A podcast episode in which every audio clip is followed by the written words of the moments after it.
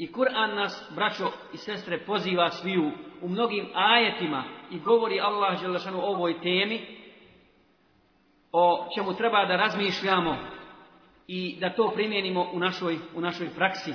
Dakle, Allah Želešanu nas podsjeća da budemo čistih prsa prema muslimanima i muslimankama, da želimo dobro njima, da prelazimo preko grešaka i da im opraštamo.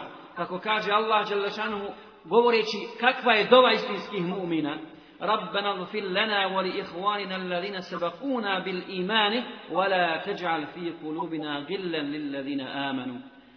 Pogledajte, Allah Želešanu za istinske mu'mine kaže da je njihova dova sljedeća gospodaru oprosti nama i braći našoj koja su nas pretekla u imanu.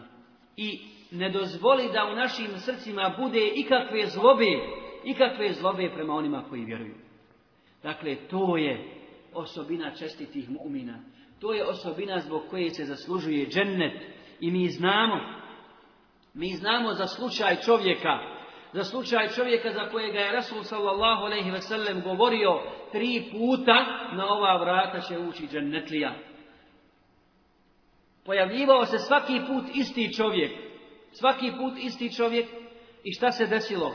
Jedan od ashaba ga je pratio pratio da vidi šta to ima kod njega i nakon nekoliko dana što je boravio sa njim vidio da nema namaza više od njega, niti posta, niti dobrovoljna file, niti dobrovoljnog zikra i tako dalje, učenja Kur'ana, nego što on ima.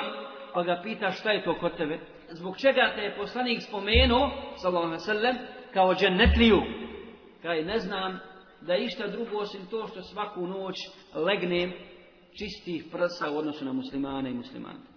Te ne imam ništa ni protiv jednog muslimana. Ako nije to, kad nema šta drugo biti. Nema šta drugo biti. To je osobina istinskih mu'mina.